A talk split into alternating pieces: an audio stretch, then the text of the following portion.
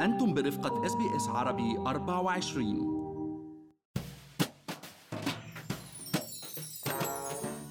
بشكل صندوق التقاعد أو ال superannuation أهم مصدر دخل لأغلبية الأستراليين المتقاعدين وهو من أهم الأصول اللي بيملكوها واللي وصلت قيمتها مجموعة 2.9 تريليون دولار بنهاية السنة المالية الماضية. السوبر بيعتمد على مساهمة إضافية بنسبة 9.5% من معاشنا الشهري بيدفعها صاحب العمل بصندوق السوبر يلي نحن مشتركين فيه معهم وبيقوم القيمين على هذا الصندوق باستثمار هاي الأموال وزيادة العوائد منها. مرحبا معكم مرام إسماعيل من بودكاست لنحكي عن المال. واليوم رح نحكي أنا والمحلل الاقتصادي عبد الله عبد الله عن أبرز خصائص صناديق السوبر ونشوف كيف ممكن نختار الصندوق الأنسب لوضعنا. وهل يا ترى في إمكانية ننشئ صندوق سوبر خاص فينا؟ وقديش سهلة أو صعبة إدارة هذا الصندوق بشكل ناجح؟ بس خليني أذكركم إنه كل اللي بنقال بهالحلقة هو على سبيل المعلومات العامة فقط وليس نصيحة خاصة. عبد الله أي حدا موظف بمؤسسة اليوم عنده حساب بصندوق تقاعد أو سوبر؟ ولكن بتصور أغلبنا بيلتزم بالصندوق اللي بيختاره صاحب العمل دون التفكير فعلا إذا هذا الخيار مناسب إلنا أو لا. معك حق مرام. الكتار اليوم بيواجهوا صعوبة باختيار السوبر ويمكن بيشوفوها عملية شوي معقدة وما بدهم يوجهوا راسهم بالموضوع. لهيك بيلتزموا بخيار صاحب العمل مثل ما قلتي. ولكن نحن اليوم لشو هون مرام؟ مش لنحكي عن المال ونبسط الأمور المالية ونقدم للمستمعين كل المعطيات يلي بتخولهم يعملوا القرار الأنسب. أكيد عبد الله طب قبل ما نفوت بتفاصيل الخيارات خلينا نخبر المستمعين عن مفهوم صناديق السوبر وطريقة عملهم. هلا مرام اليوم بحسب القوانين الأسترالية بيتوجب على صاحب العمل إنه يدفع نسبة 9.5% من أجر الموظف بحساب السوبر تبعهم ويلي اسمها التقني ال superannuation guarantee وهي نسبة رح تزيد يعني كل سنة ابتداء من السنة المالية الجاي آه، يعني بعد آه، واحد تموز يوليو 2021 حتصير 10% وبتضل ترتفع لتوصل ل 12% بحلول العام المالي 2025 2026 وكمان بالإضافة لهيدي النسبة اللي هي مجبور صاحب العمل يدفع لنا إياها كموظفين نحن كمان بإمكاننا نختار طوعا إنه نزيد على هالنسبة ب contribution شخصية يعني.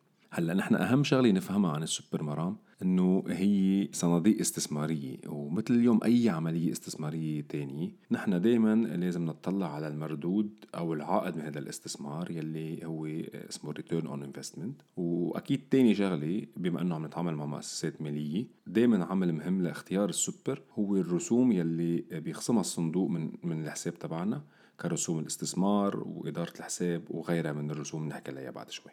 الخيارات عديدة ومتنوعة اليوم عبد الله وفي 195 صندوق سوبر بأستراليا بينقسموا إلى أربع أنواع مختلفة. وإحنا بأي وقت بنقدر ننقل حسابنا من صندوق لآخر. النوع الأول هو صناديق ال retail. هي صناديق تجارية عادة بتديرها البنوك والمؤسسات المالية الأخرى وبإمكان أي حدا يفتح حساب فيها. وهاي صناديق تجارية هادفة للربح لهيك كتير مهم نطلع منيح على الرسوم اللي بندفعها. وهاي الرسوم ممكن تكون رسوم إدارة الحساب رسوم تغيير الحساب أو نوع الاستثمار أو غيرها. مزبوط مرام. والنوع الثاني اليوم كمان المشهور بالبلد هي صناديق بيقولوا صناديق الإندستري واللي أساسا هن أنشأوها نقابات العمال آه، بقطاعات مختلفة. كانت بالأول حكر عليهم ولكن اليوم صار أي حدا بيقدر يفتح حساب بهذه الصناديق. هذا النوع من الصناديق هو بأساسه غير ربحي والمردود بيرجع كله للأعضاء بالصندوق. ولكن أيضا مثل مثل الريتيل في رسوم لإدارة الحساب والإستثمار. ولكن الأكيد إنه أرباح الصناديق بتتوزع كلياتها على الأعضاء يعني هو هذا صندوق مش ربحي. النوع الثالث هو صناديق الشركات وهي صناديق بتنشئها وبتديرها الشركات والمؤسسات الكبيرة وتخصص لموظفي هاي الشركات. وعادة الرسوم بهيك أنواع بتكون أقل من غيرها والمردود عالي. طبعا مش مجبور الموظف يلتزم بالصندوق تبع الشركة.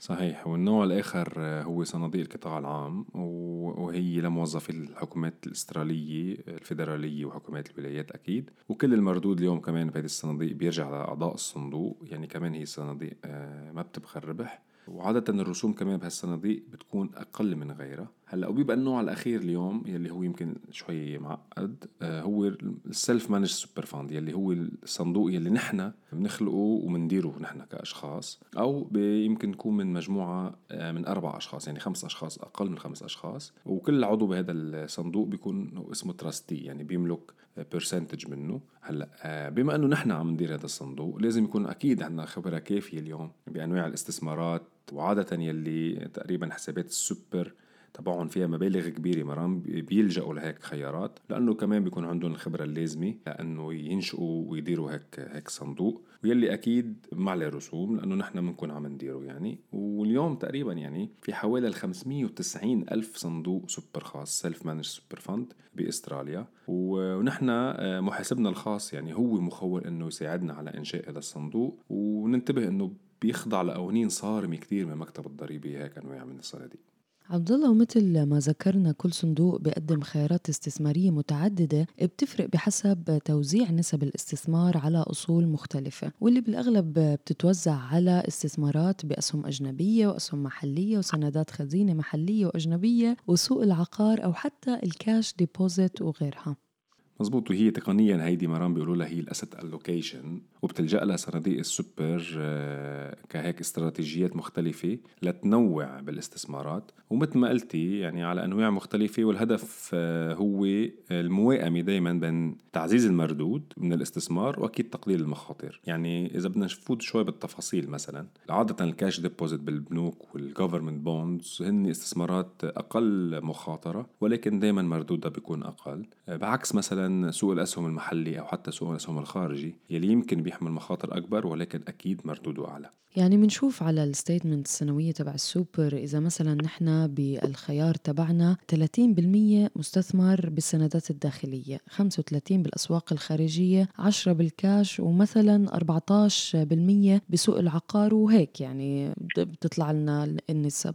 مزبوط ال asset allocation هي يعني ونحن لازم دائما نقرأ statement هي تبعنا بالسوبر اللي بيبعث لنا إياها الصندوق. وقلنا الحق نحن by the way باختيار أي نوع استثمارات بدنا إياها إذا أكيد بنعرف الموضوع. ومش قادر الصندوق يلي فاتحين حسابنا فيه يجبرنا بمنتج معين أو بخيار استثماري معين دون آخر. عبد الله أنا مشان ما أوجع راسي اخترت ال MySuper وهو الخيار ال default يعني اللي مجبورين قانونيا الصناديق بحسب الحكومة يختاروا لنا إياه. إذا نحن ما اخترنا أي منتج آخر وهذا الخيار اللي هو MySuper هو خيار بحسه شوي متوازن بين المخاطر والمردود والرسوم فيه أقل من غيره. مزبوط يمكن كتير اليوم ال MySuper يكون خيارنا الأمثل آه للي إذا ما بدنا نوجع راسنا وما بنعرف قصص الاستثمارات ولكن إذا حابين نحن فعلا نختار بأنفسنا مثل ما كنا قايلين في شغلتين أساسيات نطلع عليهم. أولهم هي الرسوم ويلي بتتراوح بحسب المبلغ بحساب السوبر يعني. اليوم خلينا ناخذ example يلي أعمارهم بال 30 كمعدل وسطي حسابهم بالسوبر ممكن يكون حوالي 80 ألف على فرضا أنه بدأوا العمل بأستراليا بسن 18 سنة. الرسوم السنوية مثلا على هيك مبلغ بالسوبر هو 80 ألف دولار. تحول عن on average يعني كمعدل وسطي بتطلع حوالي ال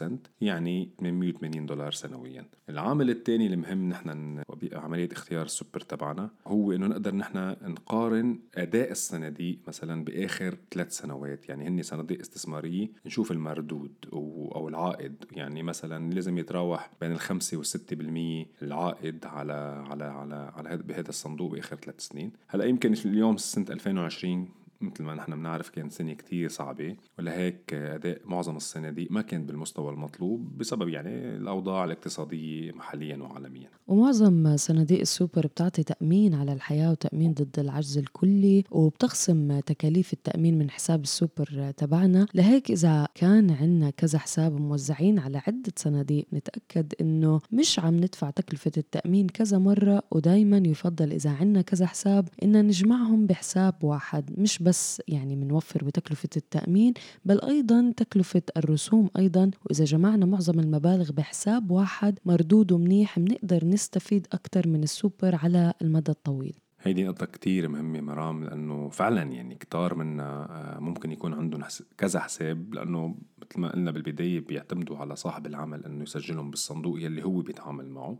لهيك كتير مهم إنه نحصيهم مثل ما قلتي ونحن قادرين عبر صفحة ال myGov تبعنا آه، نقدر نحصي هالحسابات السوبر آه، يعني عبر صفحة ال ATO على ال myGov لأنه للتذكير إنه اليوم كل حسابات السوبر تبعنا مرتبطة برقم الضريبه TFN وبالكلام عن الضريبة عبد الله كل مساهمات السوبر بتنخصم منها 15% ضريبة. يعني مثلا إذا بنقبض 1000 دولار أسبوعيا لازم صاحب العمل يدفع 95% بحساب السوبر يعني 95 دولار. الصافي اللي بيبقى بحساب السوبر هو ال 85% من ال 95 أي حوالي 80 دولار. إذا معاشنا السنوي أقل من 37 ألف دولار ما بينخصم منه ال 15% ضريبة من السوبر تبعنا. صحيح. بس لكن خلينا نذكر نحن إنه آه، ب concept مواضيع السوبر. نحن ما عندنا حق الاستفادة المباشرة من صناديق السوبر تبعنا إلا بعد سن ال 65 يعني. طبعا إذا كان بعدنا عم نشتغل بهذا السن أو الشيء بيقولوا له ال preservation age نكون نحن طلعنا فيه على التقاعد. هلأ اليوم تختلف ال preservation age آه، حسب سنة الميلاد تبعنا. آه، بس المحاسب تبعنا بيقدر يقول لنا بالضبط أي هو العمر اللي نحن بنقدر نبلش نستفيد فيه من من صناديق السوبر تبعنا. فعلا عبد الله حساب السوبر تبعنا هو مثل ما بيقولوا الضمان لنعيش حياة كريمة بسن التقاعد بأستراليا. لهيك ضروري نعرف نختاره بعمر صغير ودايما نراقب تطوره ونمو الحساب وننتبه قديش عم يكلفنا رسوم وقديش عم يعملنا مردود. ودايما مثل أي شيء نحن دايما ننصح المستمعين to shop around ويوسعوا خياراتهم واعملوا يلي بتشوفوه مناسب لمصلحتكم ومش بالضرورة تاخذوا الخيار اللي بقولكم عليه المستشارين الماليين لأنه جزء منهم بياخدوا عمولة من صناديق السوبر لما بنصحوكم بصندوق معين وأكيد بنهاية هالحلقة بنتمنى لكم حياة مالية مستقرة في أستراليا وخليكم معنا لنطلعكم على كل ما هو جديد ومفيد في عالم المال أسبوعيا ضمن بودكاست لنحكي عن المال